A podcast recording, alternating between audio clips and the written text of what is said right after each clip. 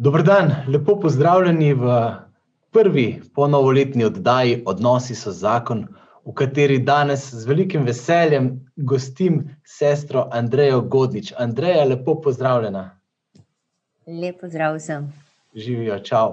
Se pravi, če smo leto zaključili z duhovnikom z Primorske, bomo pa tudi začeli s sestrico iz Primorske, ampak to si bila samo originalno, zdaj si pa nekje čisto druge. Ampak predno začneva, najn pogovor bi pa rad, da se priporočiva najnemu nebeškemu očetu in seveda tudi sinu in svetemu duhu, kajti Bog je trojedin, samo eden. V imenu očeta in sina in svetega duha. Amen. Amen. Vsemogočni gospod Bog, prihajava pred te in vsi skupaj, ki tole gledamo in poslušamo, prihajamo pred te, še kar navdihnjeni za praznikom božične noči, z dejstvom, da si ti vsemogočni Bog, ki si ustvaril vse, kar biva in kar obstaja, prišel med nas kot majčkino, nebogljeno dete. Hvala ti, Gospod. Hvala ti, Kirijos, hvala ti, naš odrešenik, ki si prišel, da nas odrešiš. Pomagaj nam, da se bomo tega, tudi s pomočjo tega pogovora, začeli vedno bolj zavedati. Um, naj v duhu te molitve preberem še tvojo pesem, ki je božično obarvana in seveda govori o učlovečenju. Naj bom prostor, kamor te bo mama položila. Naj bom zvezda, ki bo vse razsvetlila. Naj bom hlev, kjer se bo duša odpočila. Naj bom von, ki bo očetu von kadila. Naj bom molk, kjer se bo ta skrivnost rodila. Slava očetu in sinu in svetemu duhu. Kakor je bilo v začetku, tako zdaj in vselej in vekom amen. Očeta in sina in svetega duha. Amen. Tako, sestra Andreja, dobrodošla še enkrat. Um, primorka, ki pa živi že dve leti v Venezueli.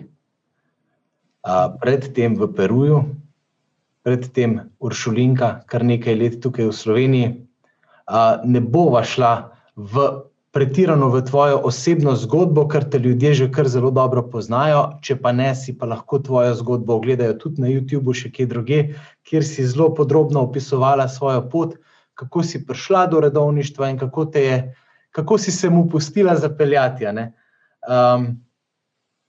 midva bi šla kar malo na temo, se pravi, za začetek, kaj je zdaj s to Venezuelo, kakšno je stanje tam? Oziroma kakšno je notranje stanje ljudi, s katerimi se srečuješ, kako oni doživljajo to, te čase tega trpljenja, za katere vem, da, da gredo skozi njih zdajle v tem času. Venezuela je Latinska Amerika, ne, govorimo špansko, enih trideset milijonov, pet milijonov od tega jih je zunaj, sploh zadnjih pet let. Izredno bogata država, prva z zalogami nafte. ljudje, tropski, karibski karakter, sončni, lepi, odprti, navajeni potovati, individualno dosti razviti, predvsem pa, z vizijo, s podjetji, podjetni, sposobni in tako naprej. dvaindvajset let nazaj, so izbrali Chaveza, ki jim je ponujal socializem. bilo je, kot cela Latinska Amerika še vedno, ne, so neenakosti. To pomeni, da je bil določen procent velik, revežev, revnih ljudi, ki niso imeli še toliko šans. Ampak mogoče je za razliko od drugih delov Latinske Amerike Venezuela značilna po tem, da je ogromno emigracije bilo. To pomeni, da je prav, staroselcev, domačinov bilo dva, tri milijone, potem je pa v dvajsetem stoletju, ja, sploh pa potem z odkritjem nafte prišlo ogromno, Evropejcev, ogromno ljudi iz Kitajske, iz Indije in tako naprej. Tako da je zelo, zelo mešana populacija. Ves čas, vojaške diktature, zelo malo resnične demokracije, bi človek rekel, kakšnih dvajset let v totalu. Mhm. E, tako da je bil en tak koktejlček. In ko so izbrali Čaveza, jim je obljubljal pač populistične floskole, vam dam hrano, vam dam stanovanje, vam dam um, delo. In so, so mu verjeli, in je potem takoj prevzel pozicije in začel dejansko uh, gojiti uh, fasado socializma in paradiža na planetu, ne, kot vedno. Eh, zraven pa začel velike biznise. Ja. Tako, ja. In je že on zelo razvil vse te koruptivne zadeve, droga, prodaja, mislim, trgovina z ljudmi in tako Aha. naprej. Ko je pa on umrl 2013, je pa Maduro stvar tako globoko uh, zapeljal, Tako da smo zdaj, po 22 letih, iz ene najbogatejših držav, ker je bilo, mislim, res, imaš, ker je tako naravno bogatstvo, toliko, eh, smo prišli zdaj v naravno katastrofo. To pomeni, Maduro ne dovoli, da pride noter humanitarna pomoč, preganjanje nevladnih organizacij, humanitarnih, eh, ne vlaga v sisteme, ne vlaga v servise eh, državne, to pomeni zdravstvo, zavarovanja, ceste, infrastruktura, to je vse kolapsira eno za drugim. Tri dni nazaj je kolapsiral most. Mislim, to so redne stvari. Kar je pa najhujše, je, da so sistematično 22 let eh, vampirizirali, bi jaz rekla, domačo proizvodnjo. Vštevši, mhm. seveda, celo naftno industrijo, tako da zdaj že uvažamo nafto, že kar nekaj časa, benzin. Eh, ko je sploh, ko je ven prišel COVID, eh, mi smo mislili, da je COVID, v bistvu je pa režim zlorabil COVID, eh, s tem, da nas je zaprl doma, domov, zato ker ni bilo več benzina.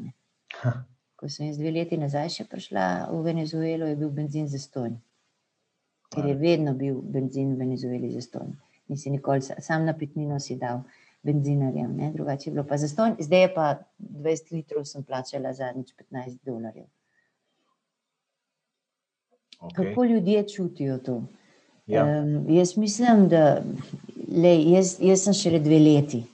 To pomeni, jaz sem v Venezueli, moja skupnost je pa angliško govoreča, ki pripadamo Karibski provinci in smo Barbados, Gajana in Venezuela. Tako da pa še zelo, zelo svež je še Peru, tako da jaz sem zelo izgubljena. Mislim, ni, nisem jaz prav. Kulturološko še nisi. nisi ne, jaz, sem, jaz, jaz procesiram, ja, pa še zaradi tega, ker sem v situacijah, ki te popolnoma zmaknejo tla, se mi zdi, da sem še bolj izgubljena, no, se mi zdi mhm. tudi duhovno. Uh, ampak kar, kar jaz čutim, je, da, to, da Venezuelci niso, razumeš, na reveži, ne, se ne znajdejo. Tako, ljudje so na internetu, imajo veze v, v Španiji, v Miami. Mislim, Eh, poznajo Slovenijo, eh, ne, mhm. so imeli podjetja, imajo Honda doma. To ni, razumeš, ni neka dobro, tretji svet, eh, ajde, ne. To so bili zelo vsi, tudi mladina z naše revne šole, tako oni imajo sanje, da bojo in tudi dosežejo neverjetne zadeve povsod, ne, ker so mhm. zelo odprti. Tako da jaz mislim, da preprosto ti ne poklika, da se to rezovaja. No. Mislim, da, da, da se nam lahko kaj tasno da, da smo prišli do te točke, da ni vode, da ni elektrike, da ni benzine. Da, mislim, razumeš, da, da ti sploh ne poklika in reče, da je zdrži, drži šive, gremo naprej, bomo že zdaj bomo. In smo stalno bili na ulicah. Ne.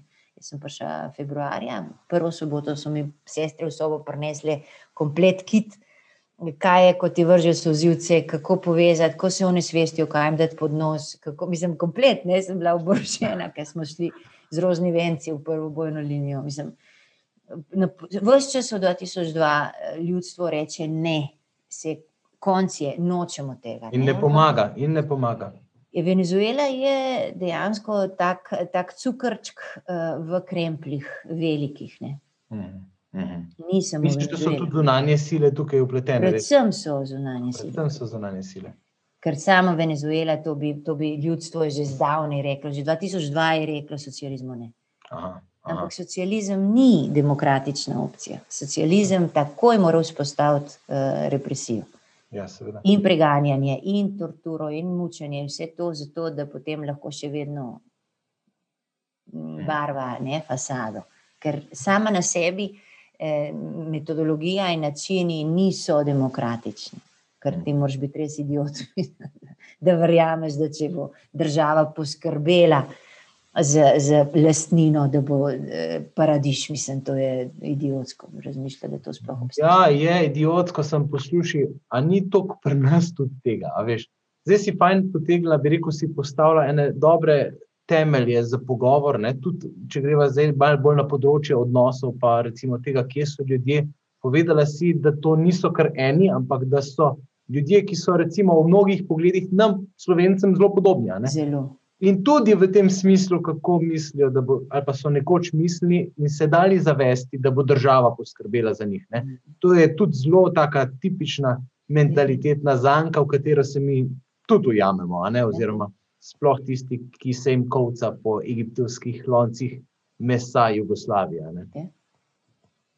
Um, kako pa pol na individualni ravni, na ravni družine, na ravni zakoncev, a se srečuješ kaj z ljudmi? Kako čustvujejo ob vsem tem, recimo, ko se jim to dogaja?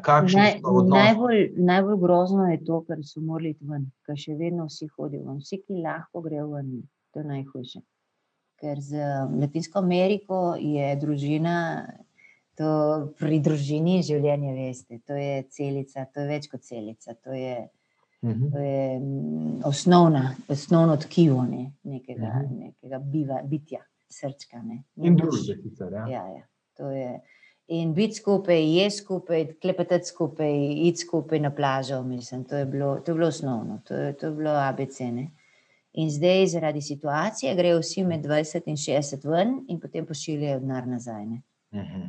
Uh -huh. In, um, in ki je končal univerzo, prodaja se pravi, ne, v Čilu, prodaja tam na ulici eh, cigarete. Hm.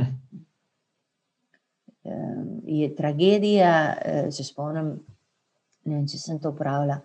Eh, kako me je šokiralo, ko sem šla na proteste in je bil, Guaido je bil zunaj, ko so takrat poskušali, ne vem kaj, je bil on še zunaj in je potem počutil, že on prišel mimo na, na meji, ne, je prišel noter in je prišel na naš protestni shod. Sem ga jaz mhm. prvič videla v živo. To je bilo maja. In se spomnim, da je morje nas je bilo, mislim, da to zmeri more, razumete, to gremo vsi. Ne? In se spomnim, da je on govoril in rekel, zdaj v nedeljo je materinski dan. Mm. Materinski dan Latinske Amerike je zakon. To vsi pridejo, to pečeš na ražnju. Mislim, to je tako je v Peruji posodi. To je to, mama je mama, mama ni debate, mama je mama. In on začne. A se vi spomnite, eh, dan, materinski dan ne? in cela ona masa za valovi. Se vi spomnite, kako smo mi to navadno Vali. in spet ona ogromna, ne vem koliko tisoč tam. Se vi spomnite, da je bila mama in da smo prišli vsi otroci, mož, vnuki, se spomnite, da zunaj. Pravi, tega več ni, da bi se zdaj to dogajalo. In jaz sem, jaz sem čutila to, kako Prepenenje. je surrealistično, ne? Da ja. nekaj tako naravnega, da priješ k mami. Da daš, je rekel, se spomnite eh, ražnja. In prosi čutil. No, ah, ja. Spomnite, da smo, da smo pekli, da smo, da smo klepetali, smo bili cel dan skupaj. Ne, jaz sem tam, jaz sem šele prišla, jaz sem bila še popolnoma v, v, v, drugem, v, drugem, v drugi pravljici, ampak se spomnim tistega čutenja, tiste mase. In on je rekel: To, kar vam zdaj pripovedujem, ker se mi spomnimo, to je normalno, to je naravno, tako je. To je naravno življenje. To, da zdaj so vsi otroci ali Čile, ali Miami, ali v Madridu, ali ne vem kje, da je mama sama doma in da nima ražnja in da se ne da dobiti mesa, to ni normalno. Mm.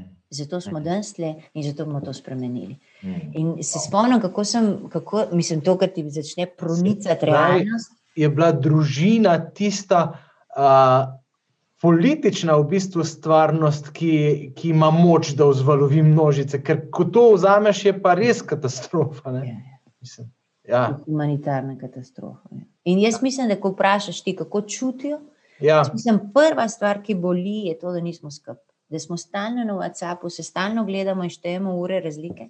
To je prva stvar. Druga stvar, ki boli tvoje vprašanje, kako čutijo ljudje, je, eh, da smo zdaj zaradi humanitarne. Jaz ne, jaz sem privilegirana, jaz ponavljam vedno znova in znova. Jaz sem na zelenem griču, zastražena spodaj, jaz sem vodo, imam elektriko, razumeš, jaz sem eh, safe keep. Ja. Ja. Ampak 80%, kar je osnovno, je hrana. Danes, kje bom prišel do hrane, danes, kaj bom dal tam malim, danes, kje bom dobil denar, da bom kupil. Zato, ker denar, mislim, hrana je v trgovinah. Ampak jaz, ki grem kupiti, jaz imam seznam in jaz kupim samo zelenavo. Osnovno, zato, ker če jaz pogledam meso, je toliko milijonov bolivarjev, ker je en milijon sto tisoč bolivarjev, je en dolar. Oni pa zaslužijo maksimalno dva dolarja na mesec. Naša ravnateljica na revni šoli zasluži 800 tisoč bolivarjev, niti enega dolarja. Ne. O moj bog. Mislim, zdaj so glih prišli ven od inflacije. Mislim, ko mi pošljemo v Rim, jaz dam rdeče in rečem, če piše, da je inflacija 2830, to ni napaka, to je Venezuela. O, ljubi Jezus.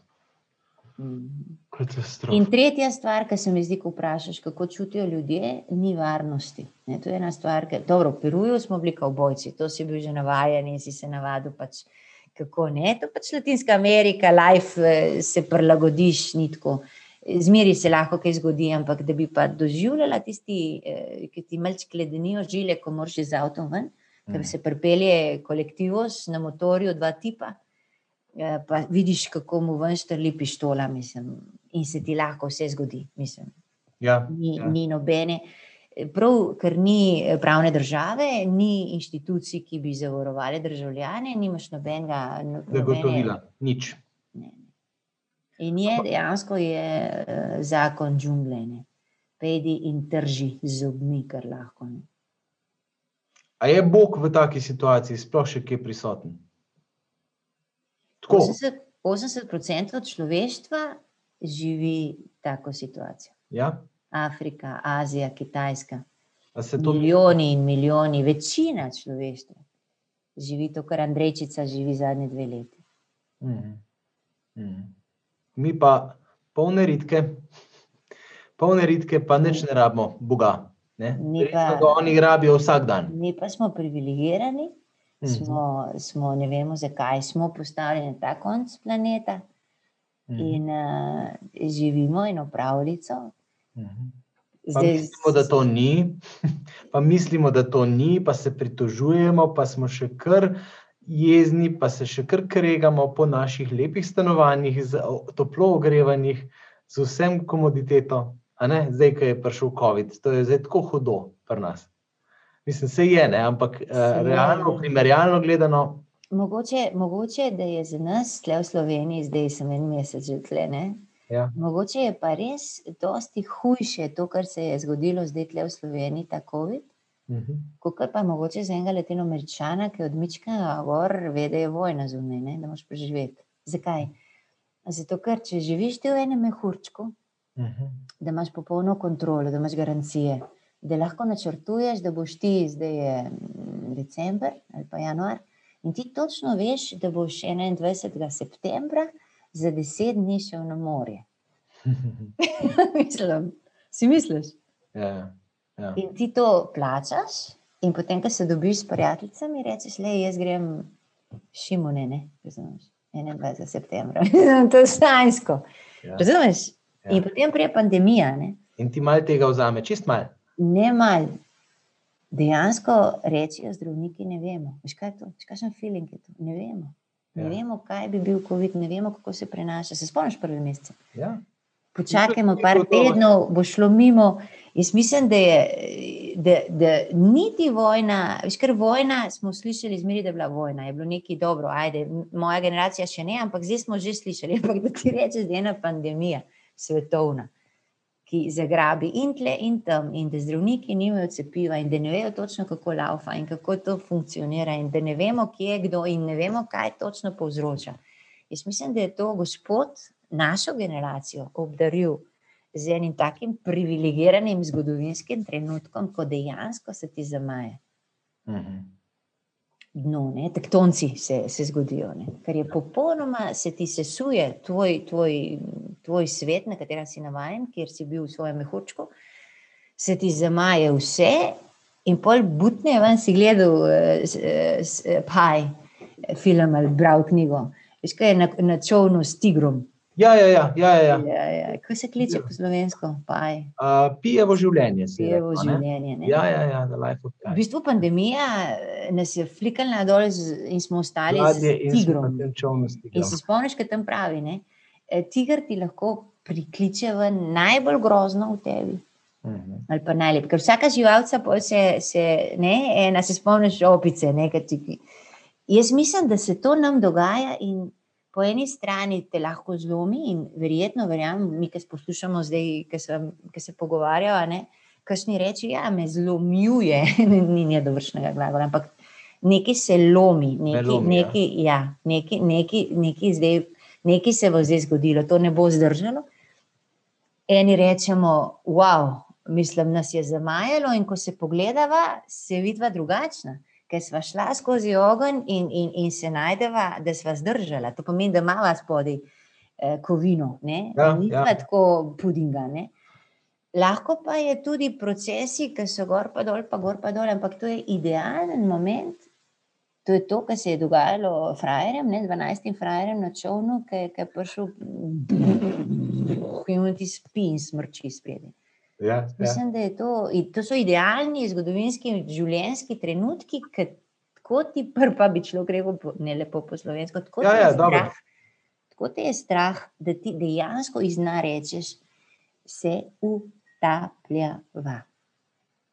Se utaplja. Ej, ampak ni tako dober, sploh si upati prvič to priznati, pa drugič, tudi če je katastrofa totalna, vsaj malo vedeti ok, nekje pa imam nekaj, na kar se bova od, odbila od dna in bova šla gor. In ta neki, nisem neki, ampak je Bog. No? Tako, pismo, kako to rabiš. Če tega nimaš, pogreš, pa res sem dol.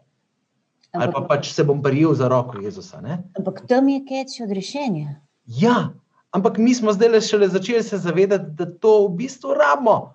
Do zdaj nas je mehurček delal samo za dostne in une, le jaz tega ne nucam, stari. Veš, meni je to brez veze, ta krščanstvo, pa ta vera, pa ta Jezus.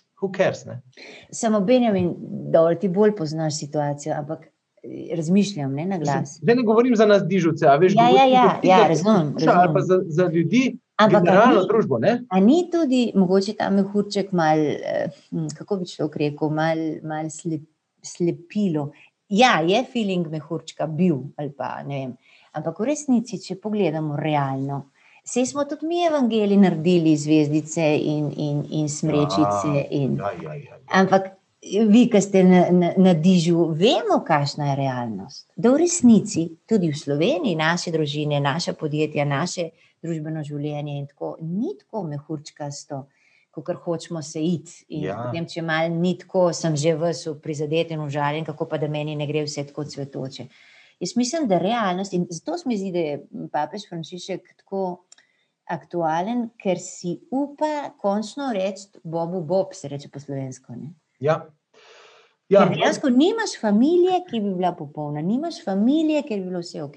Ok, se napenjamo, da delamo kulise. To že. Ja, to no, to hočem reči idealiziranja smo bili vajeni in ta okolje, ki smo ga živeli, nam je to idealiziranje omogočalo. Ja, samo ne pozabi, da smo mi živeli v komunizmu, ti si mlad. Dobro, veš, kaj je komunizem? Ne, ni, ni. Mentalitete smo imeli. nas ni, ampak, ampak tako na površju pa zgleda, da ga že zdavnaj ni več. To že, ampak če ti gledaš, generacija 15 let, dve generaciji so 30 let. To pomeni, mi imamo demokracijo v Sloveniji samo 30 let, kar ni nič. 30 ja. let demokracije ni nič. To pomeni, da komunizem, kjer je bil zunani sovražnik zelo jasen in smo ja. res morali stiskati zobe, da smo preživeli in držati žive skupaj. Razumeš, potem popusti, primeš, mentaliteta je še zmeri komunistična. Smo deset let smo popolnoma zgubljeni, ker se spreminja mentalne kategorije. Šele 20, 20, eh, druga, druga desetletje se začne dihati, gledati okoli sebe, prihajate vi na svet. 0 do 20, ja, kar poveva konkretno. Ja. Ja, ja. 20 uh, eh, se moramo. Uh, Že malo krize bo pa 8. In ti, veš, in ti veš, kako je Slovenijo, ko se mora dokazati. Mi smo povsod briljantni na vseh prvih mestih. Zdaj smo na osmem mestu kot turistična država. Mi smo zmeri top ali pa nas ni. Ali pa se pobijemo sami sebe, ker nismo top. Ja. In zdaj, če ti gledaš, en, ena demokracija rabi sto let. tvoja generacija, tvoji otroci, tvoji vnukci, razumeš, da bo potem ja. natur, ne samo, da se eh, napenjamo v demokraciji. Ampak zanimivo je to, le, če mi dovoli, zdaj smo mi dva šla malček iz tistega razburkanega morja in z Jezusom, ki smrči. Na, šla na, na, de, zakaj smo slovenci tako zahtevni? Povej, povej. Zakaj smo tako zahtevni? Mama zmeri vpraša, ker zdaj debatiramo z mamo, sva z mamo noter zaklenjeni en mesec, aleluja. Zakaj smo slovenci tako upno zahtevni? Jaz mislim, da to je sploh zakoncem. Jaz prosim, milo prosim, da imamo tako božansko, lepo božjo besedo, ljubezen, Bog je ljubezen. Hmm. Mama, ki ljubi, je zahtevna s svojim tamičkanjem, ampak ne tako zahtevna, da ga zlomi. Ker je mama, ker ni mačeha. Ne? Oprostite, mačehe se upravičujem, to je stereotip. Ni nekdo, ki je varuh, reče Jezus. Ne? Jaz sem pastir, unije pa moj namestnik, boljše, da ne bomo zdaj bom mamic mačeh, to je ja, grdo. Ja. Se upravičujem. Eh, zakaj taka zahtevnost, da zapen, zapnemo in zahtevamo, in če ni perfekt top ten, sem že vsa zagrenjena. Ja. Eh, jaz pravim, tistmu, ki je dano, se bo tudi zahtevalo. Če nam je dana dvojina, se bo tudi zahtevalo od nas, da smo veliko bolj zahtevni, kar se tiče intimnosti. Ampak meni se zdi, da je izredno pomembno, da razumemo, da imamo slovensko strukturo psihološko, da imamo dvojino ugrajeno v, v srčiko eksistence ja. narodne, da smo tisoč let na sceni in da zaradi te kvalitete potem smo tudi toliko bolj napadeni, ker je to naša močna točka, pa šibka točka, si to boš ti bolj znal razložiti. Okay. To pomeni samo, da objamem to in rečem, ok, sem slovenka, sem zahtevna, hočem top ten, v redu je. Greva. Ne? Da se zrelastiramo ah. znotraj te dinamike, ki je slovenska, ki okay. ni venezuelska. Okay. Meni se zdi, da pri tem, da bomo kar objeli ta uh, idealizem, idealiziranje, ki hoče izsiliti in prisiliti, in, in iz ta top tena, ne, se pravi, ki hoče samo najboljše, vse ostalo ni v redu. Mi grede, to je full aktualna tema pri šolanju doma, zdaj le. Zdaj le se to dogaja po naših hišah, po naših domovih. In uh, mame so temu prepuščene, in mame mnogokrat forsirajo, forca, forca. A praviš, da to je treba kar sprejeti, da je to kar ok. Mislim, so, dve, so dve stvari. Jaz veš, nisem rekla, to so dve stvari. Jaz, kar, jaz, kar, ne, kar jaz govorim, je ja. poznati sebe. Ja. Ne moreš ljubiti drugega, ne moreš izkusiti ljubezni, če se ne ljubiš sebe. Dobro.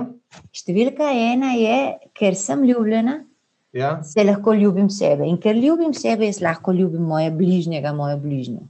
Ampak finta je v tem, da če se jaz samo sebe ne poznam. Zakaj ja. funkcioniram, zakaj reagiram, zakaj sem prizadeta, zakaj ne padem, zakaj sem popolnoma izgubljena, jaz ne morem razumeti, kdo sem. In v ja. tem smislu, ko jaz rečem objeti, pomeni poznati profil psihološki slovenskega naroda, meni okay. kot slovenke. Mogoče, mogoče je to moj, moj izziv, ker jaz sem zdaj multikulti. Ja. Zdaj, jaz zadnjih 15 eh, let štancam kulture in razumeš, poskušam procesirati v našem podatke in procesiram zadeve, in sem popolnoma lost in translation, se reče temu, zgubljena ja. v prevodu. Ampak vsakič, zdaj imam 50 let, kriza srednjih let je za mano, tudi to je ena zanimiva tema, prosim, zakonci, please.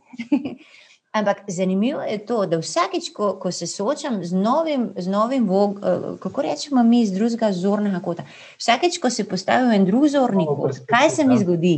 Mi začne procesirati slovenstvo, ja. moja identiteta, moja ja. istovetnost. Ja. Zakaj? Zato, ker vsak drugi zorni kot, če so karibski zorni koti ali pa če so perujski zorni koti, rimsko-unijski zimski koti, karib, razumeš? Vsakič ven izpade Slovenija, ki je slovenstvo, ki je drugačno. -huh. in ki je lepo. In ki ga je treba najprej objeti, tukaj se fulj strinjam. Ekola, ja. Ja. In ena od elementov, po moje, me boš ja. popravil, je, da smo izredno zahtevni. Ja, okay. Eno je poznati in razumeti, zakaj funkcioniram, zakaj reagiram, zakaj me to žre, drugo pa je potem, kaj bom s tem naredila. Ja, tako no, tam peče. In tle smo mi dva zdaj, da ti ja, zdaj povej, razložiti. Ja, ne to, da v resnici brez da bi samega sebe, vse smo moški, tudi na tem, da ne bo zdaj o ženska govorila, ne? ampak brez da bi jaz samega sebe sprejel, bom probo ene svoje projekcije izforsirati na svojih otrocih, ali pa na ženi, ali pa na, na, na, na ljudeh, s katerimi sem. Ne? In šele, ko se sprejmem, ok, tudi v tej svoji slovenski zahtevnosti, ne? šele, ko se sprejmem, lahko rečem, da ja, meni ni treba tebe šlihtati, pa meni ni treba tebe tako zelo šlihtati, ne? ker jaz samega sebe imam dosti za delati. Prvo, no, se mi zdi, da je prva točka to in sem sprejet, in sem ljubljen, in v redu, in grem lahko naprej. Pol pa, kar je zahtevnosti, pride iz te podlage ven, je pa ok. Ne, v tem smislu. Ja, zdaj sem še dve, če mi dovoliš, samo dve stvarčici. Ja. Ena stvarčica, ki sem informacija in meni je ogromno pomagala. Ogromno mi je pomagala, zato sem prej omenila krizo srednjih let. Jaz nisem vedela, sem brala dosti, smo se pogovarjali dosti, ampak nisem vedela. Do 40 let avtomatično mečem senco zadaj. To mi ne paše pri meni, fliknem zadaj. Ne hrulim mamo, zato ker pod, pod, podzavestno prepoznam karakter mene v njej in jo nahrulim Bogorevo, ker ni več kriva. Ampak do 40 let fliknem to, kar prepoznamo mami podzavestno, nazaj in se nočem soočiti. Kriza srednjih let mi prpopa mojo senco spredje, jung, se spomnite. -huh. To pomeni, da že naravno je razlika, če sem jaz 50 ali pa če sem jaz 30. Pri 30 je to, kar ti praviš. Ok, to sem jaz, zdaj sem taka. Mi je veliko 40, veš. Ti si, a ti si, ti si ja, že, ja. Ti, ti že, ja, moški imate krizo srednjih let malo kasneje, tako da zajemi sapo prihajaš na prvi tir. Ja, ampak se mi zdi, da ta, ta del tega sence za mano, tukaj se mi zdi, da je kar že za da sem kar obdelal, zdaj le že fajn. No. Welcome, welcome, welcome. Se, bova, se dobiva na kavi čez 30 let.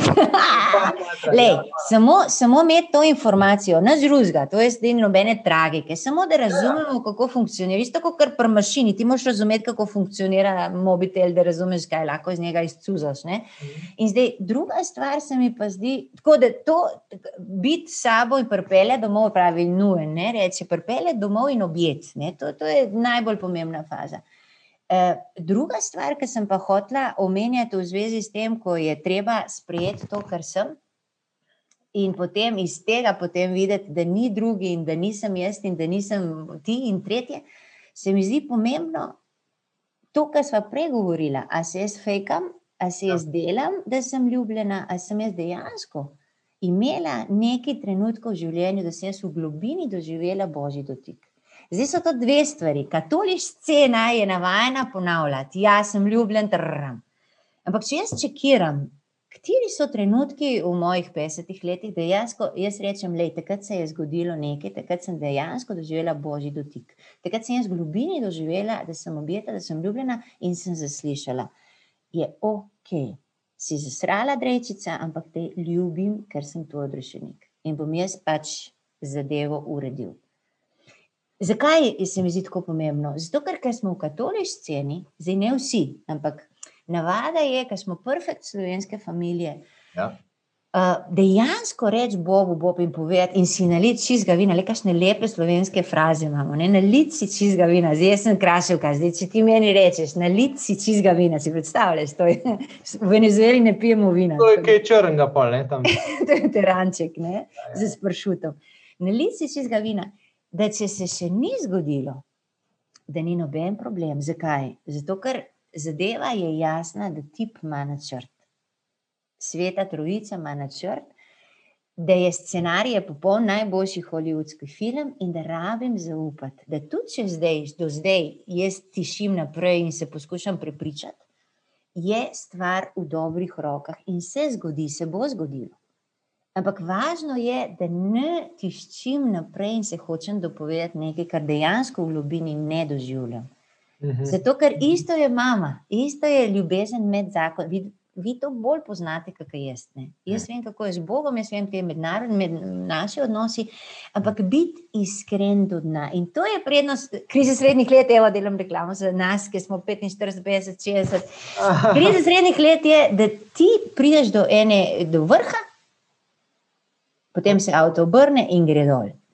In ti se ne moreš več farbati, nebeško osvobajajoč občutek. Nimaš več potrebe, da farbaš.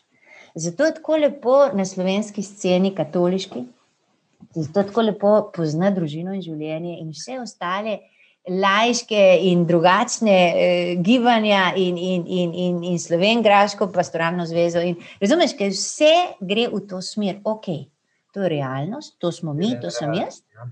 Ja. Kje, kako pa zdaj ti vstopaš v to? Ne? In zato prideva, Benjamin, veš, eh, do vprašanja bolje besede. Ampak zdaj čakam, da provociraš.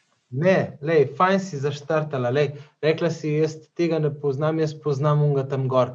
Meni je tako všeč, kako ti o sveti trojici, o Bogu, ne, de, uh, govoriš tako, ne, tip, pa ti, pa moj, pa tako. Tist na nek način iz, izražaš, iz, emaniraš.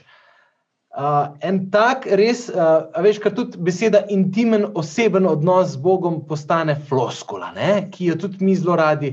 Uh, zelo hiter, no? kakorkoli ni več to moj res intimen, oseben odnos z Bogom, postane floskula. Pri tebi pa to ni, ker za to stvar vedno znova ene nove in nove izraze uporabljaš, ker se vidi, da to res v nulo živiš.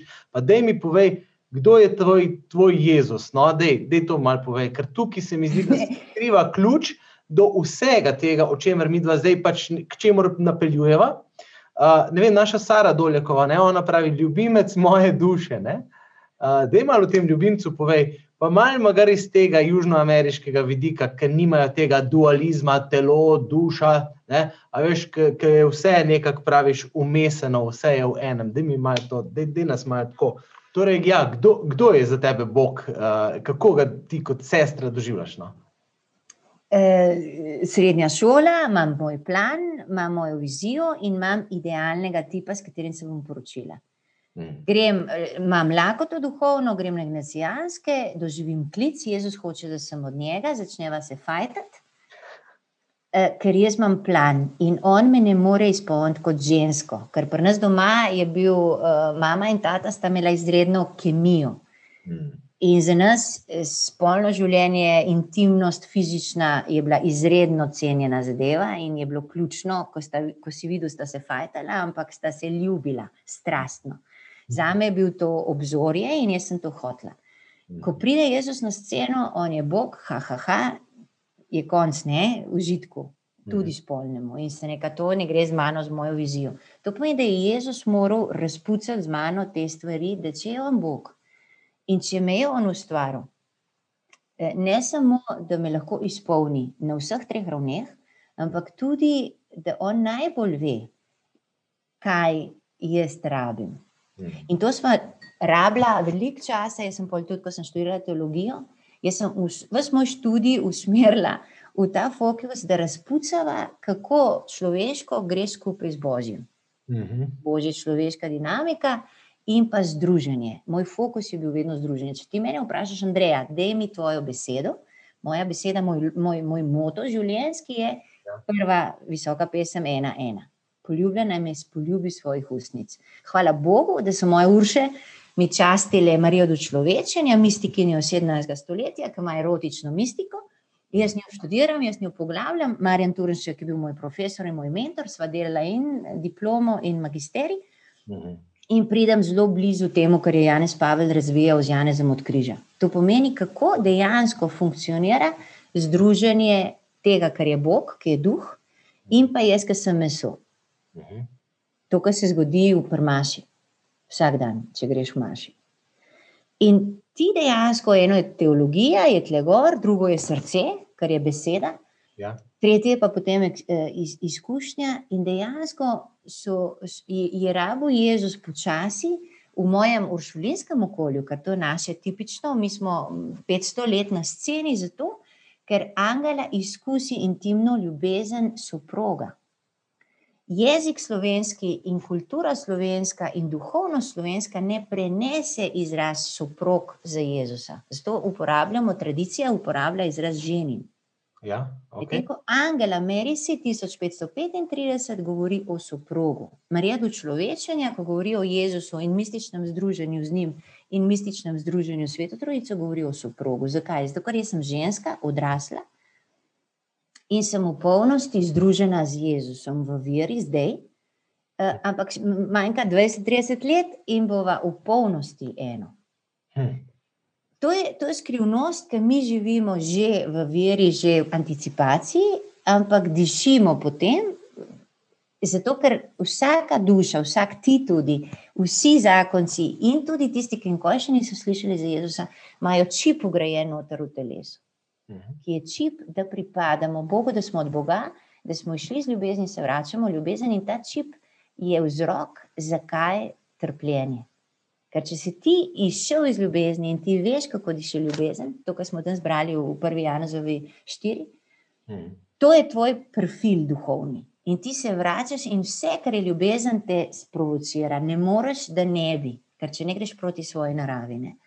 In se mi zdi, da mi, ki smo posvečeni, imamo to v globini, podzavestno, nam je to samo po sebi umevno in naj bi ta perfumček širne. Ne?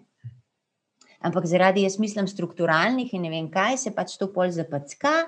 In če jaz se v polnosti ne izživim tega, potem se nekaj transformira in pride ena stara uh, grenka, ja, čarovnica. Ven, Mi dva smo imela ta problem, jaz sem, mu, jaz sem mu nabirala in on je moral res mi delati take mal. Eh, hollywoodske fore, da me, je, da me je malo ukrotil, ker sem zelo strastna ženska, tako da me je moral mal, imel malo močnih prijemov, zato da me je scentriral. Rečem, Latinsko-ameriške prijeme uporabo, da te je spravil k sebi. Tako, ampak to v Sloveniji, to v Sloveniji že ne. In ja. ko sem jaz prišla v Peru, ko sem jaz prišla v Venezuelo. Ja. In ko sem jaz zalaufala en drug stil življenja, ki je izredno fizično bližnji, karinjo se reče po špansko, ja. ogromno objemanja, polupčkanja, stiskanja, ogromno ugodja. Eh, bližine ugodja, eh, začutevanja drugega, ker telo je izreden senzor. Zdaj, ki smo v pandemiji, šele se zavedamo, kaj pomeni, ko si odrezan od 3D, ne?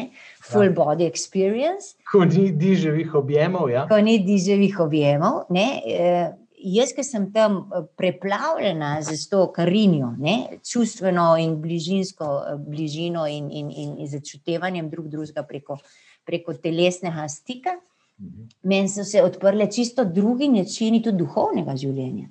Hmm. Ker ti ugotoviš, da to je tako naravno, to je tako zastojno, to je tako nekaj bistveno, da ti se ne rabiš prav nič siliti, pa prepričevati. Ali je ali pa ni. In e. ti ne moreš fejkati, ker te pogledajo v učke in vejo, da fejkaš. Isto kot mama točno šteka, da ta mali okolj prenaša in manipulira.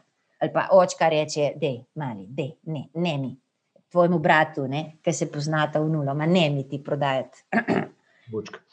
Ej, se pravi, mi pa živimo v svetu, ki je že tako ali tako bolj toka, ne? pol je pa tukaj res še ta ogromna zloraba, ki je v resnici greha, ne? se pravi, zloraba tega, da je vse to lahko zapackano. Ne? In vse to mi kot zakonci, tudi še posebej mogoče lahko ti, kot posvečena oseba, kot sestra, kot devica, da jim povej, koliko te, v bistvu, koliko tega zamazanega pogleda so mnoge žene verjetno prenesle v svoje zakone, koliko tega zamazanega pogleda na telo, na telesnost smo mi, moški, prenesli v svoje zakone. Uh, in kako se to z Bogom povezuje, in kako gremo iz tega lahko skupaj ven. No? Jaz mislim, da ko gledam Slovenijo ne, ali pa mojo formacijo, jaz sem imela patra Rubleka, jaz sem imela moje sestre Uršulinke, ki so me tle, so mi zmeri dajali literaturo in smo zmeri poglabljali ta fizično-telesni, eh, spolni del, ne da bi karkoli, ker sem imela že doma zelo tako sproščeno vzgojo, se mi zdi, da je to izredno pomembno, kdo je tvoj vzgojitelj, kdo je tvoj vir informacije. Ja. Zdaj, hvala Bogu, zakon si greste na internet in berete v vseh jezikih, tako da to je veliko lažje. In potem vidite, kako zelo osko je Slovenija, ne? sploh ja. moralni del, vprašanje spolnosti. Ja. Kako je naša crkva zelo izrazito janzenistična, še zmeri, ja. ampak se tudi že zelo sprošča. Ne? Ampak eh, jaz mislim, samo da razumemo, jaz, jaz bi prosila, da imamo pred očmi tisto, kar se prej, ki smo se pogovarjali, kako pomembno je razumeti in samo umestiti se in pripeljati domov in objeti samo zato, da vem, zakaj tako funkcioniram in da se ne zahtevam in se prosilim samega sebe v nekaj, kar še ni zrelo. Jaz mislim, da je zelo pomembno razumeti, da zdaj po um, bi človek rekel, zdaj zadnjih 30-40 let po spolni revoluciji 69. Ja. Gre za en proces, globalni proces, kjer se mi, kako pa ti to rekel po slovensko, deskonektamo, mi se izgubljamo stik ja. Ja. Z našim telesom. Kmečka pamet ti pove, pogledaš in rečeš, ma ne, to je bolano. Ali pa pogledaš kmečka pamet in reče, ma čakaj, to je nekaj izometrično. Kmečka pamet ti reče, to te bo pripeljalo nekam, razumeš, to je kmečka pamet. Kmečka pamet pomeni, da si ti krepko noter, da ti treniraš, da imaš stik, da švicaš, da imaš naravne stvari, ali si na nivi, ali greš v gost, ali švicaš, ko greš hribe, ali imaš karate, mislim, karkoli, da te fizično vsak dan konekta s tem, ker za moje pojme, to je moja izkušnja, telo je eno od najbolj osnovnih instrumentov biti v stiku z mano. Ne moja čustva, ne moj razum, ne moja volja, hmm. moje telo. In telo, jaz sem prepričana v to, študiram Luvena, zmeri Aleksandra in bioenergetiko, no bioenergijo, ampak bioenergetiko, študirajte. Imate v slovenščini prevod, bioenergetika, Aleksandr Luven. Okay. On pravi, da jaz verjamem, da telo ima modrost. Jaz zelo to mešam s kmečko pametjo, zrelo, normalno kmečko pametjo. In če ti poslušaš svoje telo, ko on reče, kdo iz, iz, iz, izpluje iz uh, terapij psihi, psiholoških, samo 10% pacijentov psiholoških, ki delajo na telesu. Ali šport, ali kmetija, ali narava, ali hoja, karkoli ker samo to je možno, da ti pomaga biti, z, z, z, kako ti rečeš, z, realen, v resnici. Realen, z, z, z nogo na zemlji. Ureninjen. Ja, ja, ja.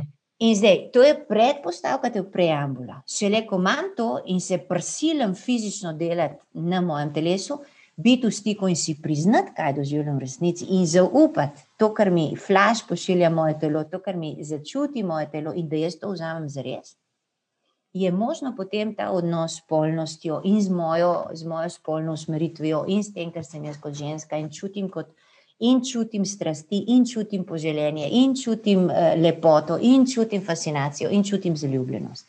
Zakaj? Zato, ker to je prostor, sveti prostor, kjer se mi razodeva Bog. Bog je ljubezen, prva je ena za štiri. Mi imamo čip v telesu, v telesu, ne v razumu, ker razum me lahko kol prenese. Če ni umeščen v voljo, čustva in predvsem v telo. In se mi zdi, da tle zakon, če v Sloveniji najbolj trpiste zaradi tega. Prvič, če si, če si zgagan, če zvečer ne greš spat, če ti nimaš pred polnočjo ene ure, dve ure spanja, vi ste zgagani. Naravna kmečka pamet ti pravi, ure pred polnočjo so zlato.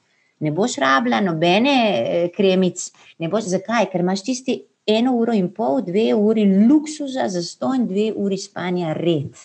Ob desetih, ob enajstih, ok, enajst trideset, me ne briga, ampak vsak večer, ha, ha, ha, boste rekli, to je ne mogoče.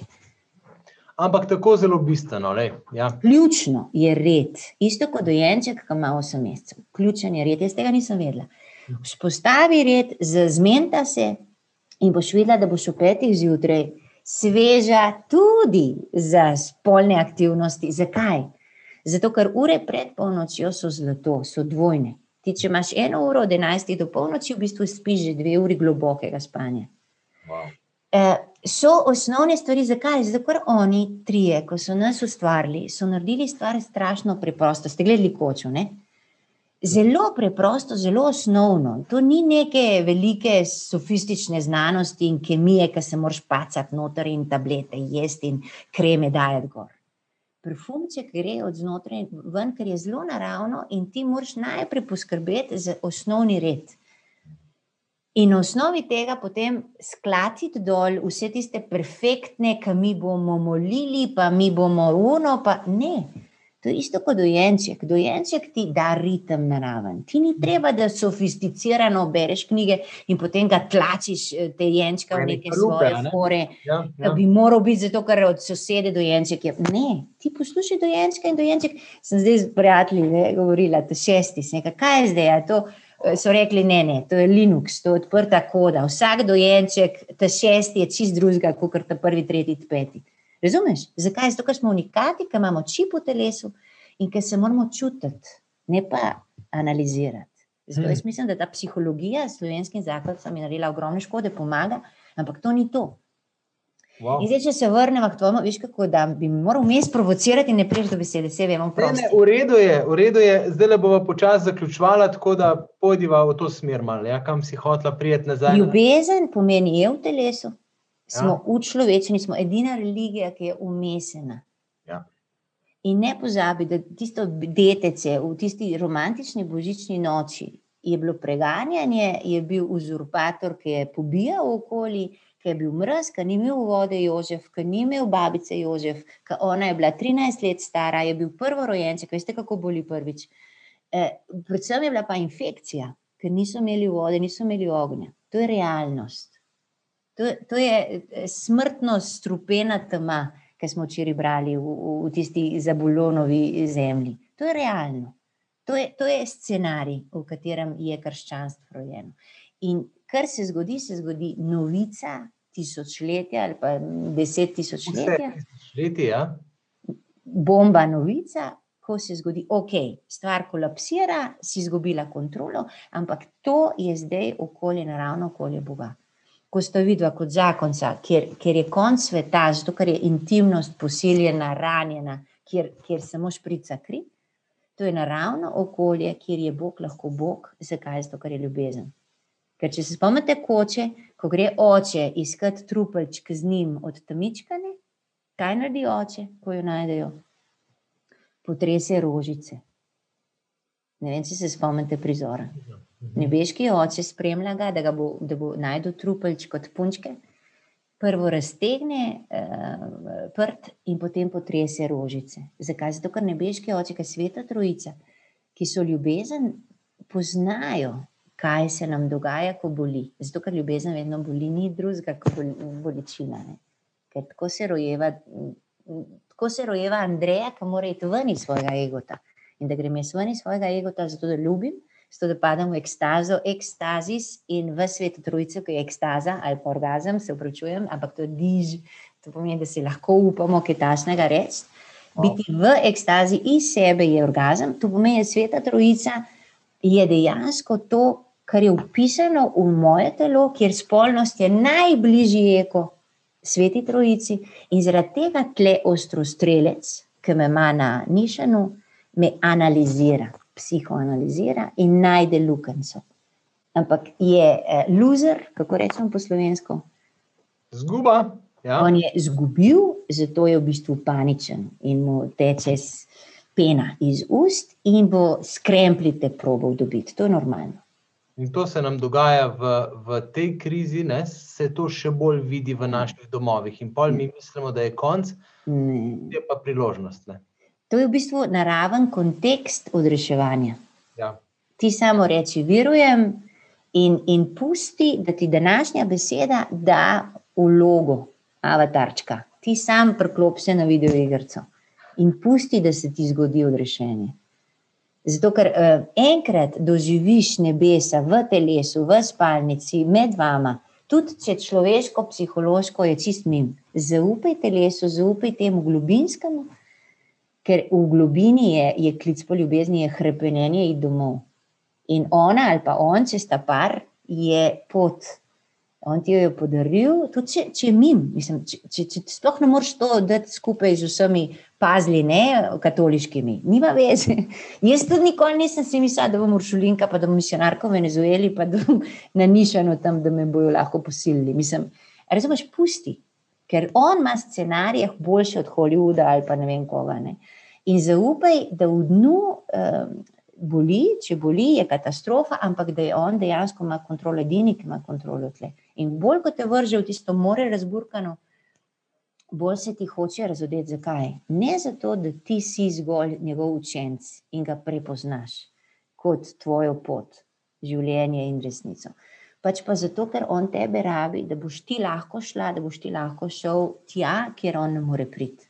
Ker mi nismo samo učenci, mi smo misionari, mi nismo samo učenke, mi smo misionarke. On nas rabi, ker nima pogleda, ker nima nesmečkanja, nima objema. Smo mi njegov objem in nasmešek in parfumček in whatever. Ne? In, in pravi, rabi posebej. Edini evangelij, ki ga ljudje berejo. Zato je tako pomembno, da pustimo biti besedi, beseda, pustiti Bogu, da je Bog, pustiti ljubezni, da je ljubezen. In čeprav jaz jo živim popolnoma izven konteksta, to ne pomeni, da rečem, ne, ne, ne, to ne more biti od Boga, ker je tako drugačno. Pač pa reč, wow, to pa neki, to pa neki zdaj in tako je to občestvo. Točno to. Lej, in čekirati. Zanj si mi rekla, tista prispodoba s školko, pa biserom, to mi tako všeč. Dej še to za zaključek, povej, potem pa res končava za danes. Rečejo, rečejo, zakaj ne? Zakaj je ona taka, zakaj je on tak? Zakaj mi to on dela, zakaj mi ona to dela? Tako boli, to, to, to, to mi bo naredilo škodo. Ne? Psihološko mi to dela škodo, ker to je zloraba, to je manipulacija. Veš, kaj zdaj imamo vse to pošlihtano. Ne, ja, ja. ne on je alkoholičnih staršev, ne ona je ona je uh, frigidna, ona ne čuti. Razumeš, to imamo mi vse razpucano. Ampak tle je tisto ključen vprašanje vere, to, kar se ponavlja vse čas v evangeliju, ali veruješ. Ali veruješ. To je to ista pašta v vseh, v, v vseh avatarčkih, v vseh pojavnostih, figurah evangelija in isto se zgodi z nami. Ne? Ali veruješ, da sem, če hoče biti biser, ne, to so se z Benjaminom pogovarjala, rabi noter zaprti školkici, ki je vse mehko, biti en kamenček ali pa eno, nekaj, kar praska. In tisto, kar praska, je obup, ker je školka popolnoma noter zaprta, je popolnoma mehka. In da jo nekaj provocira, da začne izločati biserovino, rabi praskati. In to krvavi, v bistvu, školka krvavi, da se iz, iz, iz izoblikuje biser, ki traja ful. Mislim, to je vzame ne vem koliko časa za en biser noter. Ne. Večji, ko je smet noter, večji, ko kamenček noter, večji bo biser. Bolj, ko boli, bolj bo to rojevanje Božjega znotraj enega zakonskega para, vidva sta eno meso, veš kako je to gre intimno, to vi bolj veste. Zato ključno je imeti kontekst, razumeti in zahtevati od diža, zahtevati od vseh, od literature, od vsega, da mi naredimo, da razumemo kontekst, kaj v resnici čutim, kaj se mi v resnici dogaja, poimenovati, tudi prst lepo in reči, to je to. In potem pomagati si skupnostjo, z občestvom, da, da v trenutku, ko me pogleda v učke, Jezus in mi reče: Veruješ, da iz tega kamna, ki te reže in mrtvari noter, znotraj vajne školke, da bom jaz iz tega naredil besorovino, to pomeni, nekaj, kar bo drugim v radost, to je biser. Hmm. Nekaj, kar privzdigne vsakdanjo življenje. Zato, ker biser je nekaj, kar, kar eh, proslavlja, slavi. Hmm. Duhovno pa niti zagovoriti, ker ta biser je dejansko tvoj, tvoj, ja, to je tvoj pot v večnost. Hvala, draga sestra Andreja Godnič. Zelo mi je v veliko čast in mislim, da je pogovor en velik biser. Da ga prosim, začini še z eno lepo molitvijo no? za zaključek, za vse, ki smo tukaj. Ko vprašam Jezusa, da gremo na diš, kaj boš govoril? Odprem in mi reče, Kindle, ne? Kindle reče. Zdaj bom jokala, že sem 50 let stara, sem radila sentimentalna in zdaj sem kot moje te stare sestre, kako je duhovnega, pa začne kar smirice, pa to mislim, se upravičujem. Pravi, vsakdo, ki ljubi, je iz Boga rojen. Ne etiketirati ljubezni. Vsak, ki ljubi, je iz Boga in Boga pozna. V tem se je razodel Božja ljubezen do nas, da je Bog poslal na svet svojega dinorojenega sina, da bi mi po njem živeli. V tem je ljubezen. Ne, da smo mi ljubili Boga, temveč da je On nas ljubil in poslal svojega sina. Jaz, Jezus, vsi, ki zdaj poslušajo to, vsi, ki so zdaj na, na, na internetu, vsi, ki so na omrežju, ti si velik, ti si ljubezen, razžari in zažgi svojim svetim duhom naše življenje, naše zakonske pare, naše družine, da bomo goreli in da bomo dišali in da boš v tem trenutku zdravil vse rane. Zato, da ta ljubezen, ki jo ti razlivaš v taki obilni meri v Slovenijo, preplavi naše človeštvo, ki je zdaj v krču od strahu in bolečine. Zato te slavim, Jezus, ki si center, ki si edini in ki si vse, in ki si naš strastni ljubimec, ljubimec vsega človeštva. Amen. Amen. Slava očetu in svetemu duhu. Kakor je bilo v začetku, tako zdaj in vse le in vekomaj. Amen. Prvi Janez 4.